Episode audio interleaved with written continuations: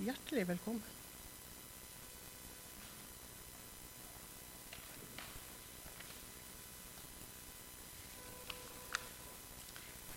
Altså Når det først er sol, så syns jeg det er godt gjort av deg å komme her. Jeg tenker uansett at det er en glede å samles eh, på søndag. For så heldige vi er som kan det.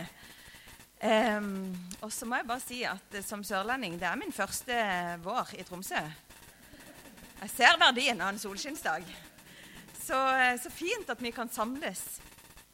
Um, vi er i en serie om Den hellige ånd, som kalles for åndenød. Og det er litt sånn, ja, Hvorfor har vi valgt det ordet der? Nei Ja, hvorfor har vi det, Bård? Det har jeg, jeg har tenkt på det. Nei da. Vi har snakka om dette med lengsel etter å være fylt med Den hellige ånd. Og Forrige gang når Steinar eh, talte, så sier han at jeg er komfortabel med å snakke om Den hellige ånd. Og det er jeg så glad for at, eh, for at du sa, Steinar. For det er det jo ikke alle, den opplevelsen er det jo ikke alle som har. Jeg tenker at det er mange som er komfortable, og du hadde noen vitnesbyrd på det. Eh, mange, noen er komfortable. Det er greit å snakke om Gud. Det, er, det kan jeg leve greit med. Og Jesus eh, han er det noen som syns ja, det er jo best å snakke om han da.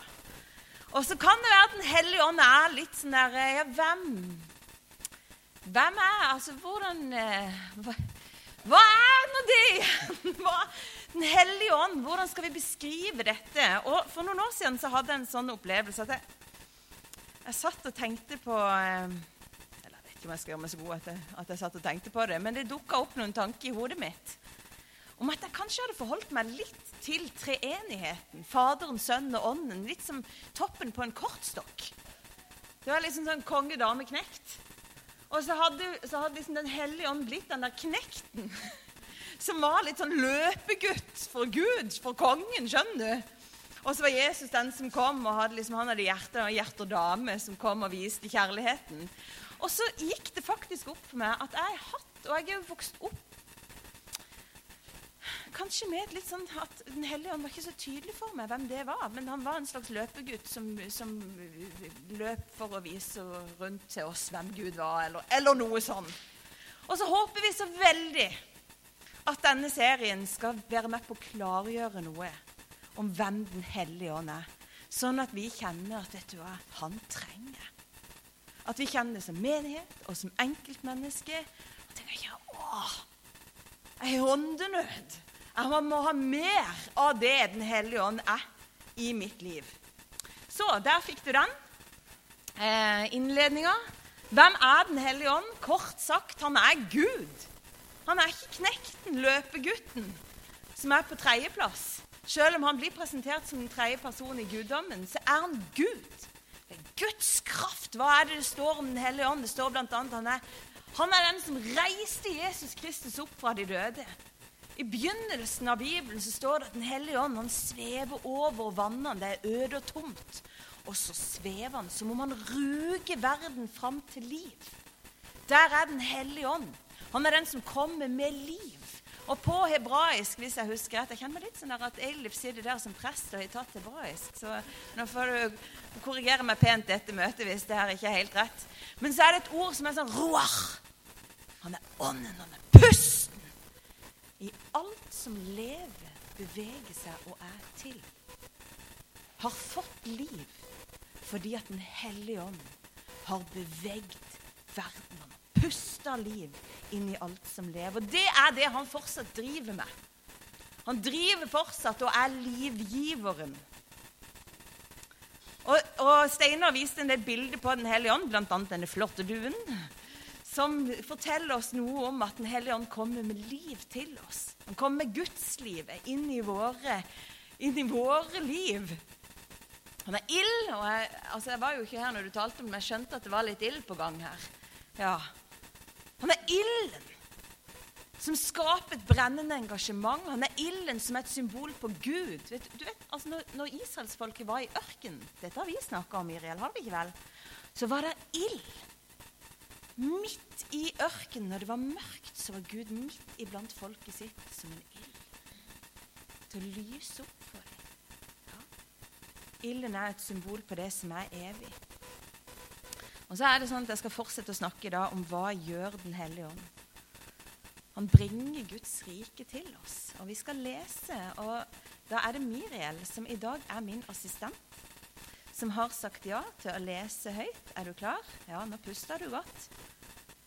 Og vi skal få lov til å se det du leser på Nå kom jeg på at jeg er litt høyere enn det. Ja. Sånn.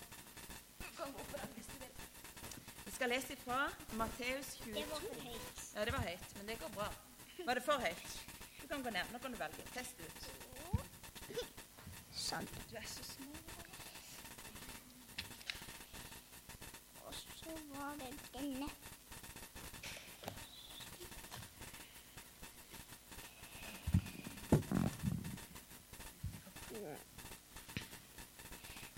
Da fariseerne hørte at han hadde stoppet munnen på saddukerne, kom de sammen, og en av dem, en, en lovkyndig, spurte for å sette ham på prøve. Mester, hvilken Nei, hvilket bud er det største i loven? Han svarte, du skal elske Herren din Gud av hele ditt hjerte og av hele din sjel og av all din forstand. Dette er det største og første budet. Men det andre er like stort. Du skal elske din neste som deg selv. På disse to budene hviler hele loven og profetene. Jeg syns vi skal gi henne en applaus.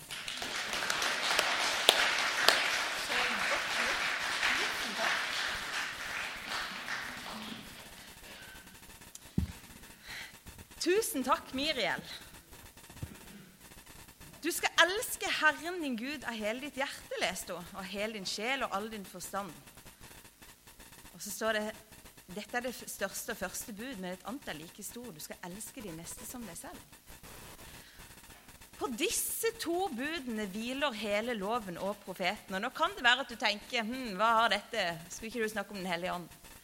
I Det gamle testamentet så var det sånn at profetene og loven, det var åndens språk til mennesket. Når Gud skulle fortelle sin vilje og uttrykke det som lå på hans hjerte, så var det gjennom loven som var gitt dem, og profetene som opplevde å høre Guds stemme. At Den hellige ånd formidla til Guds folk. Derfor er det sånn at det sier noe om Den hellige ånd når det står at på disse to budene å elske, så hviler hele loven, hele profeten. Å elske Gud, elske andre og elske seg sjøl. Og det gir mening når vi leser at Gud er kjærlighet. Og I Bibelen så står det at en dag så skal gavene opphøre, sånn som vi kjenner dem. Men kjærligheten altså Hvis du har vært i et bryllup, så har du kanskje fått med deg Korinterne 13. Kjærligheten skal bestå. Gud er kjærlighet. Og ei kirke som er dreven og fylt av Den hellige ånd, det er ei kirke som elsker. Hva driver Den hellige ånd med? Han fyller oss med kjærlighet, og han lærer oss å elske. Og vi kan si mye om hva det vil si å elske. Vi kan snakke om at det er et verb, og vi finner det ganske godt beskrevet. Kjærligheten er tålmodig og velvillig, ikke misunnelig, han søker ikke sitt eget. Og så kan vi si at det å elske er et valg, og det tenker jeg at det der er mange eh, som kan skrive under og skrive bøker om. Både i ekteskap og i andre relasjoner. Så er det av og til sånn at den vil stå fast. Kjærligheten er et valg. Jeg har valgt å elske akkurat nå. Føler jeg ikke så mye, men jeg står fast. Jeg leste en gang et intervju av et eldre ektepar. De hadde vært gift i 50-60 år. Og så hevda de Dette var en sånn serie om forelskelse. Så hevda de at de fortsatt var forelska. På den der ferske kjærlighetsmåten, skjønner du. Det er jo sånn, Tro det om du kan. De hadde vært gift i 50-60 år. Og så sto de fast på det, at de ennå var forelska og klarte liksom ikke å holde hendene unna hverandre. og liksom var litt sånn kosete anlagt. Det er vi jo forskjellige på hvordan vi er med det. Men, men når de blir spurt om hva er nøkkelen til denne kjærligheten som dere fortsatt har, som er så levende, så sier de nøkkelen er å stadig se på den andre i et lys som gjør at vi beundrer den andre Å stadig se på den andre. De leita etter noe i den andre. Nå ble det deg, Jenny. Men de leita etter noe i den andre som de som tenkte at dette. Og så lot de det andre være, og så fokuserte de på Så fint at du lager kaffe til meg. Her, altså, de bare løfta opp det fine. Og så holdt det forelskelsen eh, varende. Så jeg har ikke altså, verken gift eller eh, levd i 50 og 60 år. Så, eh, men de, altså jeg får ta ordene de sine på det. De løfta opp det som fortsatt var beundringsverdig, og som var sant. Det er jo viktig her. Vi kan ikke bare løfte opp noe og dikte opp noe bare at vi skulle ønske at du var sånn. Nei, de løfta opp noe som fortsatt var sant, og som de kunne beundre. Og så så de hverandre i et lys som gjorde at den andre ble beundringsverdig for dem som gjorde at de hadde lyst til å være nær den andre. Og det tenkte jeg at det høres ut som et lys av kjærlighet.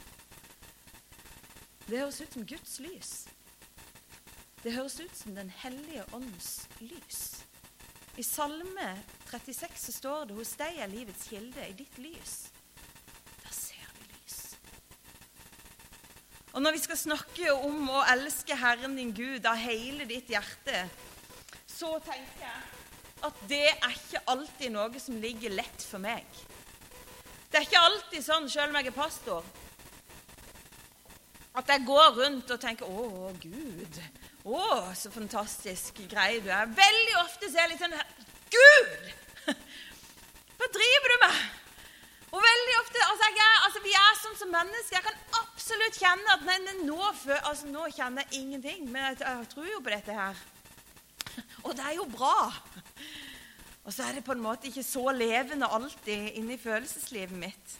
Og når Jesus henter dette, så er ikke det noe som han på en måte kom på akkurat der og da. Han henter det ifra noe som står i 5. Mosebok, og som Moses sier til israelsfolket før de skal inn i det lovede landet. De har gått i 40 år og holdt på å si strevd med både Gud og hverandre. og så kommer de til et punkt, og Moses holder på med en slags avskjedstale. Og så sier han, 'Hør, Israel. Herren er vår Gud. Herren er én. Du skal elske Herren din Gud av hele ditt hjerte, hele din sjel og all din makt.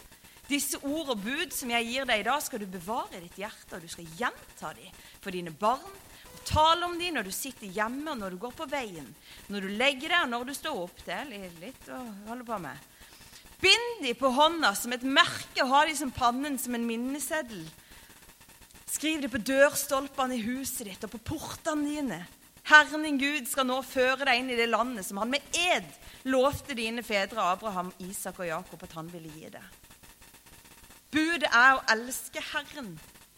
Og det blir gitt til et folk som er i to situasjoner samtidig. Det blir gitt dette budet om å elske Gud det blir gitt til et folk som har gått 40 år sammen med Gud. De har gått i 40 år, de har sett at Rødehavet har delt seg. De har erfart at Gud har vært til stede med dem som en skyvsøyle foran dem, som en lyssøyle på natta. De har sett undre. Og så har, de kjent, så har de kjent på tomheten som man kan oppleve når Gud ikke er så synlig, og når lederen forsvant når Moses plutselig var på fjellet. Og de har prøvd å lage seg en kobberkalv. Når de ikke kunne se Gud en stund, så måtte de jo lage noe de kunne se.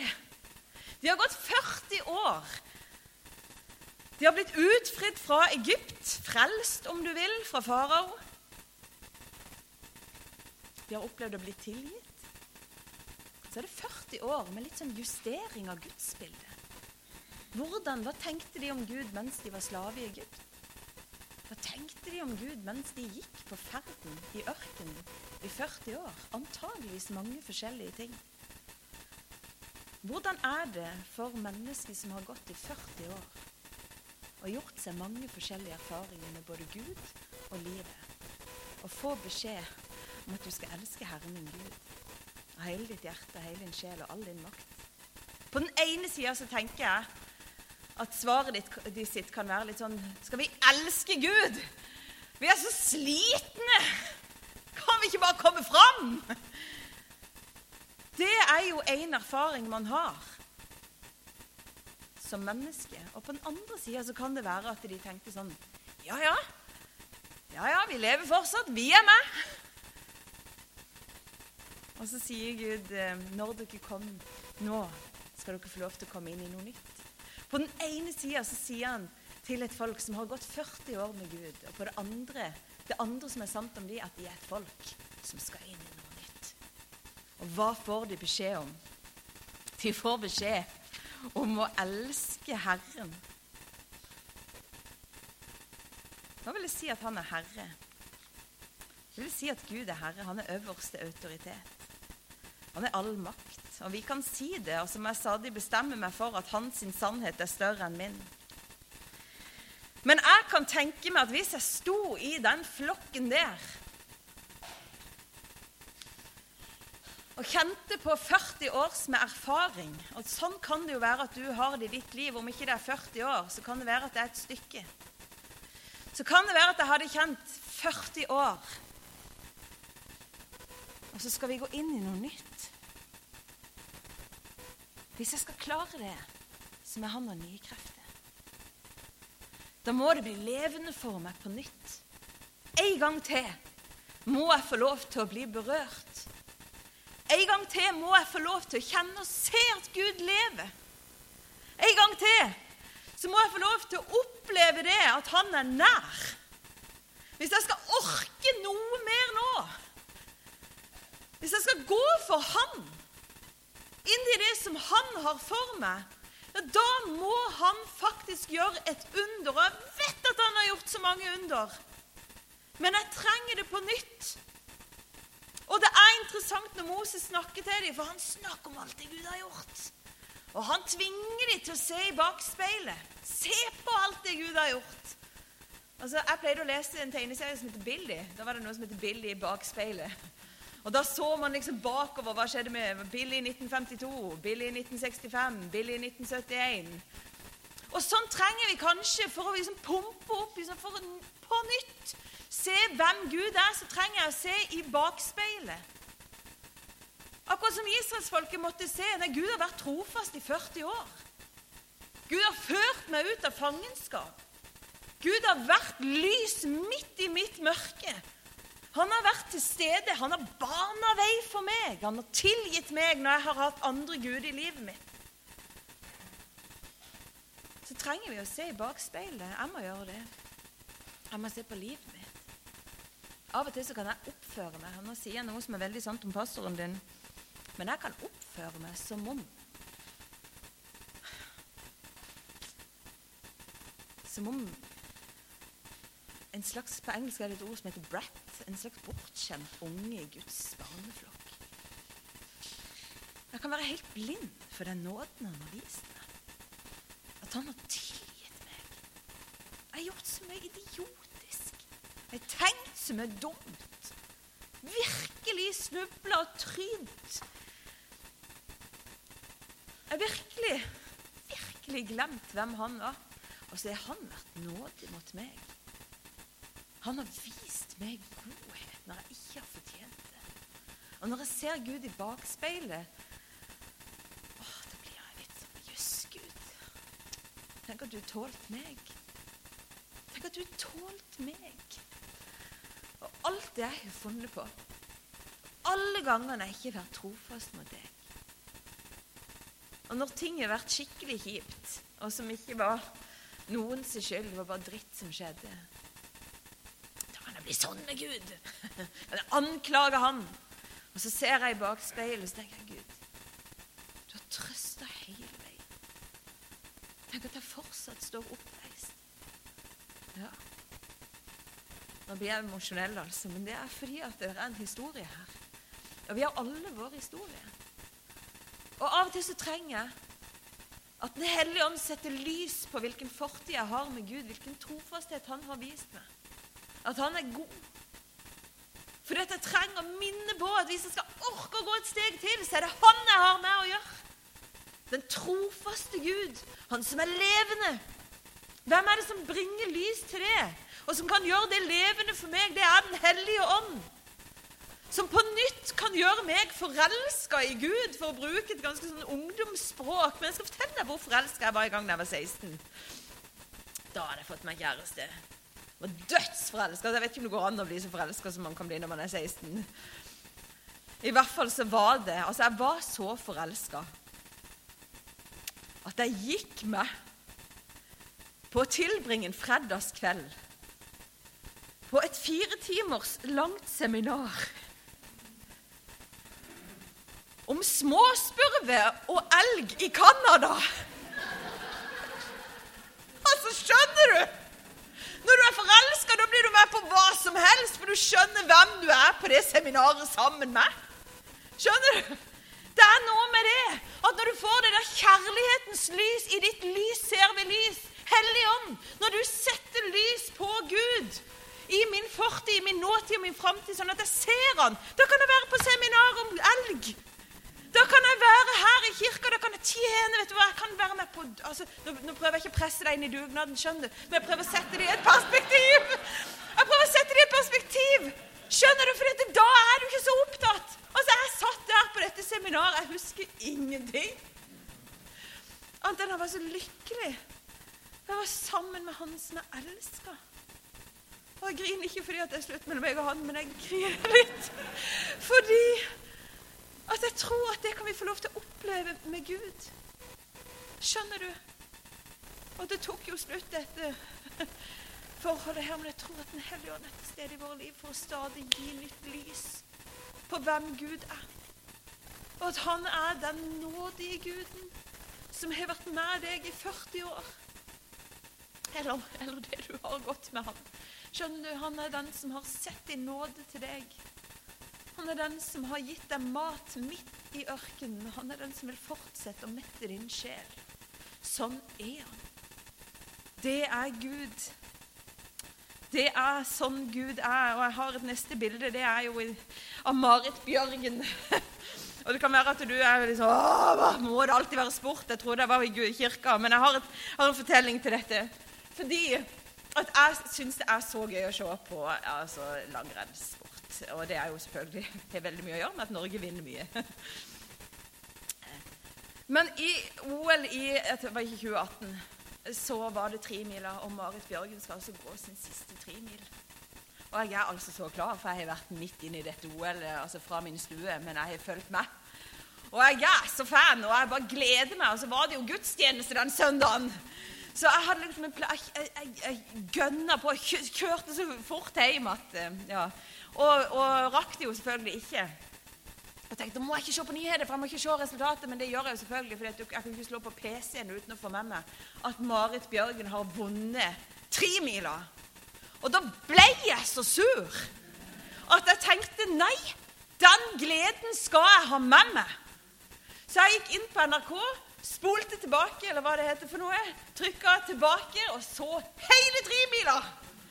Og på innspurten så skjer det at jeg sitter på kne i sofaen over PC-en, for jeg har ikke TV, jeg har bare PC, og sitter sånn. Og kom igjen, Marit! Kom igjen! Skjønner du? Og jeg visste resultatet. Hva vil jeg fram til? Jo, jeg skal si deg det at du kan tro at du vet alt om Gud. Og du kan tro at du har hørt og vet historien om korset. Og du kan tro at du kan undervise i timevis om dette. Men Den hellige ånd er den som kan gjøre det levende for deg på nytt. Så du ser at det korset, det er for meg i dag. Og det han gjorde, det lever fortsatt. Og den frelsen, den trenger. Og den frelsen, den trenger vi. Og den nåden han har vist meg, det er mye større enn det jeg noen gang kan gi tilbake til han. Det er det bare Den hellige ånd som kan gjøre. Og når jeg erfarer at jeg ikke gir Den hellige ånd plass, da går jeg rundt og tror at jeg så, Da kan det plutselig bli den bortskjemte ungen i Guds barneflokk som tenker at dette har jeg krav på. Eller dette, nei, selvfølgelig skal Gud gjøre det for meg. Eller jeg gjør nok for Gud. Og, jeg sier ikke at du gjør nok. Du må, du må, høre meg rett her. Jeg sier bare det at når Den hellige ånd får bevegd våre hjerter, og når han får salva våre øyne så vi ser, da blir det vi tror på, det blir levende. Levende kjærlighet. Og vi kan si ja, men jeg elsker Herren. Derfor sitter jeg her på dette elgseminaret. holdt jeg på å si. Derfor er jeg med. Og noe er så gøy. Og noe bare er jeg her for. Og jeg tror på ham. Jeg tror på ham. Jeg har sett hvem han er. Jeg sett hva han har gjort. Og det har berørt min sjel. Jeg blir aldri mer den samme. Det gjør Den hellige ånd. Og her kommer jeg ikke unna nådegave. Og det kan være at du har liksom nådegave. Jeg vet ikke hva du tenker når jeg sier det ordet. Men jeg har lyst til å si det at når vi, vi skal snakke om nådegaven etter hvert i denne serien, og vi skal nevne tungetall og profetiske ord og de tingene der Men alt det Gud gir av gave, det har dette til felles. At det skal åpenbare Guds herlighet for oss. Sånn at vi ser mer av hvem han er. Og da har jeg et vitnesbyrd som er et av mine favorittvitnesbyrd. Og Vilmar hørte før, for jeg fortalte det på konfirmasjonen. Og det er et ganske gammelt vitnesbyrd. Det er ifra eh, Jeg mener på at det er slutten av 90-tallet. Jo, det er det. Eh, jeg har nemlig to veldig gode venner som heter Anne Mai og Siri. Og de var pastorer på Holmlia i Oslo. Og det var et, et multikulturelt samfunn eh, som, som, de tjente i, i, flere år. Og der kom de i kontakt med mennesker fra forskjellige nasjoner. Og en av de er Jeg glemme meg det er Dunia hun heter. I hvert fall så Hun kommer som flyktning til Norge og har med seg en eh, vanskelig historie. Og så, uh, og så, er, så kommer hun inn i kirka, og etter hvert så kommer hun til tro på Jesus. Og så er det bare det at det er veldig vanskelig for sin familie og de som kjente henne fra før, både i Norge og ikke minst i jeg lurer på det var rundt Kurdistan, i Kurdistan hun var ifra blir det veldig vanskelig for henne. Hun får trusler, hun blir ensom og blir utstøtt. og Hun har det så tøft. Og så blir hun jo stadig dratt med på møte, da, men det er jo ikke så lett når du ikke kan snakke norsk. og du skjønner ikke, Vi snakker jo veldig fort, altså det skjønner jeg jo når jeg holder på her. Snakker fort, og du skal forstå. Og så blir du trøtt av møtet. Men så tar de jo med på nissedag bibelcamping. Og Anne Mai og Alf Thor, som er mannen De er jo så nydelige å låne vekk campingvogna si. så hun får campingvogn for seg sjøl. Men det er tøft å være henne. Og så er det sånn på dette kveldsmøtet, en kveldsmøte, da, så, så, er de opptatt av å gi god plass til at Den hellige ånd skal få lov til å virke med sine gaver. Og, eh, og, hun sitter der, og så er hun bare sånn er så trøtt. Alle disse møtene. Sant? Livet er vanskelig og vondt. Og etter talen så kommer det opp ei dame. og Det er gøy. Når Siri forklarer dette, så er hun altså så morsom å høre på. Det var ei lita dame fra Froland som kom liksom med briller nedpå her og var sånn der eh, Og så har hun et budskap i tunge. Og for du som er litt ukjent med det, så er det et språk som Gud gir. og Av og til gir han det til deg for din egen oppbyggelse, og av og til så gir han det. Så er det noen andre som opplever fortydning. Og vi, ja, vi får snakke om det en annen dag. I hvert fall. Så kom hun og så bare bare lir hun av seg tungetale. Og det varer og det varer, og hun står der og er liksom Ja, så, så kommer hun med den, da. Og den som leder møtet, sier ja, du som opplever at du har tydning, kom fram. Og da er det jo litt sånn her, Å, vi håper at noen har tydning. det er ingen som kommer fram. Men da dulter ja, hvis det er det hun heter. Det er noe på det. Dulter til Anne Mai og sier sånn Jeg vet hva hun sa! Jeg vet hva hun sa! Jeg skjønte det. Og da sier jo pastoren ja, da har nok du fått gaven i å tyde. Da må du bare gå fram og si hva det betyr. Og så går hun fram, og så bare babler hun av gårde, og ingen skjønner hva hun sier. Og så får de liksom roa ned møtet her, og så sier hun Han snakker på mitt språk. Hun snakker på mitt språk. Når hun kom opp og snakka i tunge, så snakka hun. Snakka på mitt språk. På den dialekten som bare tilhører den landsbyen som jeg kom ifra. Og hun sa de tingene til meg som min pappa pleide å trøste med meg med. Lille vennen min, min kjære jente, du som er så god. Og så forteller hun liksom Tenk at Gud har sett meg. Jeg elsker Gud. Ja, tenk at Gud har sett meg. Og så hvis du kjenner at Den hellige ånd er litt vanskelig, og nådegaven, alt det så har jeg bare lyst til å si han har én hensikt. Og det er å fortelle deg hvem Gud er. Og det berører hjertet ditt, sånn at du får sett mer av hvem han er, og at han er den som vil berøre ditt liv, og han som bryr seg om deg. Og kanskje er det du som har det sånn at du trenger at Gud sier det til deg. Jeg elsker deg. Du, mitt kjære barn. Ja. Å elske Herren din Gud Av og til er det et valg. Det er et valg på en solskinnsdag og på en gudstjeneste å ha fellesskap og søke Ham. Men hør, Den hellige ånd er gitt oss for at denne kjærligheten skal være levende. For han forteller oss hvem Gud er. Det var et langt punkt nummer én. På punkt nummer to så står det jeg skal elske min neste som meg selv.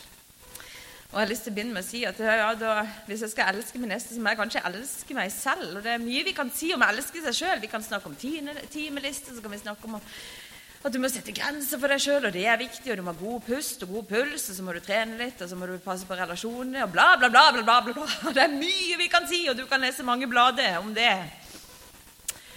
Men jeg har lyst til å si til deg at kanskje er det å elske seg sjøl at du må anerkjenne det hellige som Gud har lagt ned i deg.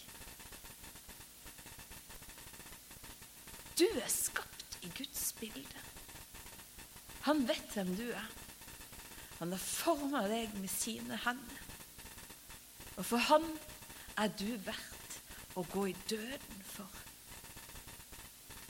Hva er det å elske seg sjøl? Altså, hvis jeg skal være helt ærlig, det jobber jeg litt med tid, altså, i større og mindre grad fra tid til annen. Men kanskje er det noe som vi som et folk De sang her i stad vi er et annerledes folk. For vi anerkjenner at vi er skapt av den høyeste Gud. Og når Den hellige ånd setter lys på det, sånn at det er levende for meg at han har skapt meg, og han elsker meg. Du vet, Hvis jeg vet at jeg er elska, da slapper jeg av. Er det ikke rart? Hvis jeg går inn i et rom og vet at men her, her liker folk meg Jeg vet at jeg er elska. Da har jeg litt lave skuldre. Skjønner du? Da har jeg det litt bedre med meg sjøl. Da er jeg ikke så veldig opptatt av alt det, for jeg skal love deg en ting. At er det noe jeg syns er rett, så er det å sette krav til meg sjøl om hvor himla god jeg burde vært. Og så er jeg litt, litt tiltaksløs, så jeg må jobbe veldig for å få det til.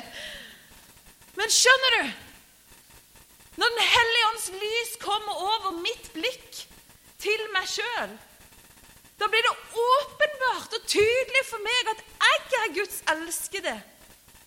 Jeg er den som han gikk i døden for.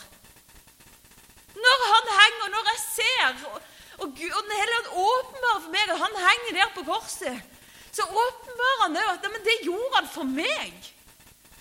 For han liker meg. Viggo Klausen har sagt noe fint en gang. Han er en kjent forkynner i Misjonskirka Norge. så sier han. Altså, som en hilsen fra Gud så sier han ikke ta deg sammen, ta imot. Og kanskje er det det, ja, ikke sant? Kanskje er det det vi må jobbe med. Hvordan skal jeg elske meg sjøl? Kanskje jeg skal rett og slett la Den hellige ånd hjelpe meg til å tenke at jeg er elska. Jeg er verdt å elske fordi at det er noe hellig med mitt liv. Det er noe eget med meg. Og før du visste hvem han var, så kjente han ditt navn. Det er ikke som du ble hellig fordi du begynte å tro på han. Du kommer fra han som er hellig. Ja. Du kom ifra han.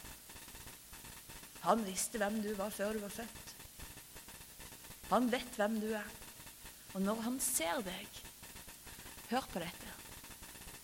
Når Gud ser deg, så er Den hellige ånds lys over deg. Han ser deg i Den hellige ånds lys, i sitt eget lys. Så når han ser deg, så er han så begeistra. Vet du hva som står i Sefania 3,17? Så står det at han fryder seg og jubler over ditt liv. Skjønner du?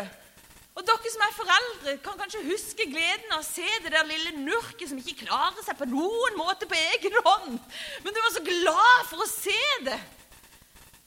Sånn har Gud det, fordi han ser deg i sitt eget lys. Han er så begeistra. Vet du hva det betyr på grunnteksten? Det ordet som sier at han jubler og fryder, det betyr Det betyr at han danser i ring. Han danser i ring. Så begeistra er han over deg. Gud er ikke flau, vet du, han er ikke så stolt at han ikke tør å danse og juble ellevilt. Nei, han er begeistra over deg, han vet hvem du er. Og når han ser deg og jubler så høyt over ditt liv at du fins Når han ser deg, så er han helt skråsikker på at du vil jeg gi livet mitt for. Og du vil jeg leve evigheten sammen med. Da tenker jeg, kjære, kjære Gud, kan du gi meg noe av det lyset, så jeg kan se meg sjøl med dine øyne? Ja. Så jeg kan se meg sjøl med dine øyne. Det er bare Den hellige ånd som kan hjelpe meg til. Jeg skal love deg det at når han er fraværende, eller når jeg stenger han ute og ser meg i mitt eget lys, da blir det strengt. Ja. Da blir det strengt. Og så måler jeg meg opp mot noen andre som jeg tror at jeg burde ligne på. Og så blir det egentlig fiasko før eller siden. Men Den hellige ånd er den som kan hjelpe meg til å elske meg sjøl fordi at han er Gud. Og jeg kan heller ikke la være å tenke på nådegave på dette punktet, fordi at vi er i vårt vesen skapt i Guds bilde. Han er hellig, og fra det hellige kommer vi. Men vi som har tatt imot Jesus Kristus, vi har fått Hans ånd, Hans hellige ånd, boende i vårt indre. Og han har gitt oss sin hellighet på en helt egen måte. Et sted så står det 'tenn opp på nytt den nådegaven som er i deg'. Kan du anerkjenne at Gud har lagt ned i deg noe som han vil bruke? Kan du anerkjenne at det du har fått hos han, er viktig? Noen har noen fantastiske gaver som handler om å Altså, Birger har vært og jobba på mitt kontor. Han har velsigna meg så rikt denne uka. Gjort ting som bare har vært med på, på å velsigne meg så rikt. Og jeg gleder meg til å flytte inn i nytt kontor. Og så er det noen som har en tungetale, så er det noen som har et ord. Noen har en sang. Og jeg tenker, Monica, du synger i høye toner. Er du Han som er høyverdig? så ser jeg Gud litt mer igjennom mine brødre og søstre sin liv. Det er nådegave, og ordet for nåde, det er sjaris. Og det betyr bl.a. glede. Det er gave Gud har gitt for at vi skal erfare den gleden det er å tilhøre Ham. Ja.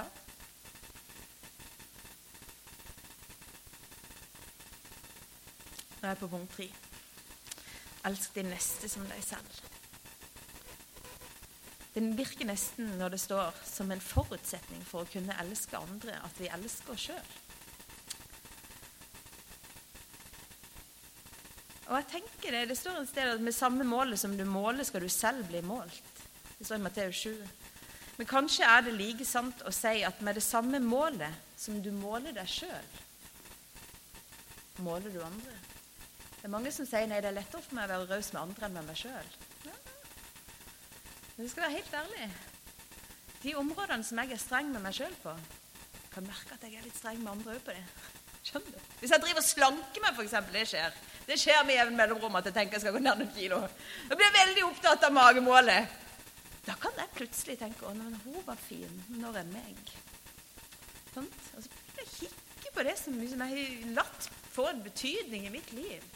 Strenghet som jeg har mot meg sjøl. Det. Jeg gjør det ikke fordi jeg vil. Og jeg prøver å ikke være sånn. Men det har noe med seg. Jeg tror det er noe når Gud sier dette, han utfordrer oss. Så sier han nei, nei, du må være heil ved. Du må være heil ved. Hvem kan gjøre det? Kan jeg gjøre det? Jeg trenger hjelp. Jeg trenger hjelp. Jeg trenger Den hellige ånds hjelp til å elske meg sjøl og til å elske andre, sånn at jeg kan være et nådig menneske. Et menneske som elsker, og som reflekterer Guds godhet og varme og kjærlighet der jeg er. Og så trenger jeg å anerkjenne det hellige som bor i de menneskene jeg møter. At når jeg møter deg, Jenny, så møter jeg noe Guds hellighet. Jeg møter noe av det som Gud har skapt. Jeg møter noe som kommer fra det hellige. Og når jeg tenker på det, så får jeg så dyp respekt for deg. Ja.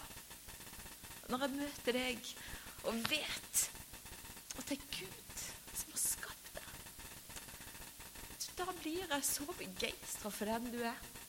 Og Nå kjenner ikke vi hverandre så veldig godt, så det kan veldig godt være at vi har noen personligheter som gjør at vi krasjer på ulike måter. Vi får jo samarbeide på et tidspunkt, skal vi se, så se hvordan det går.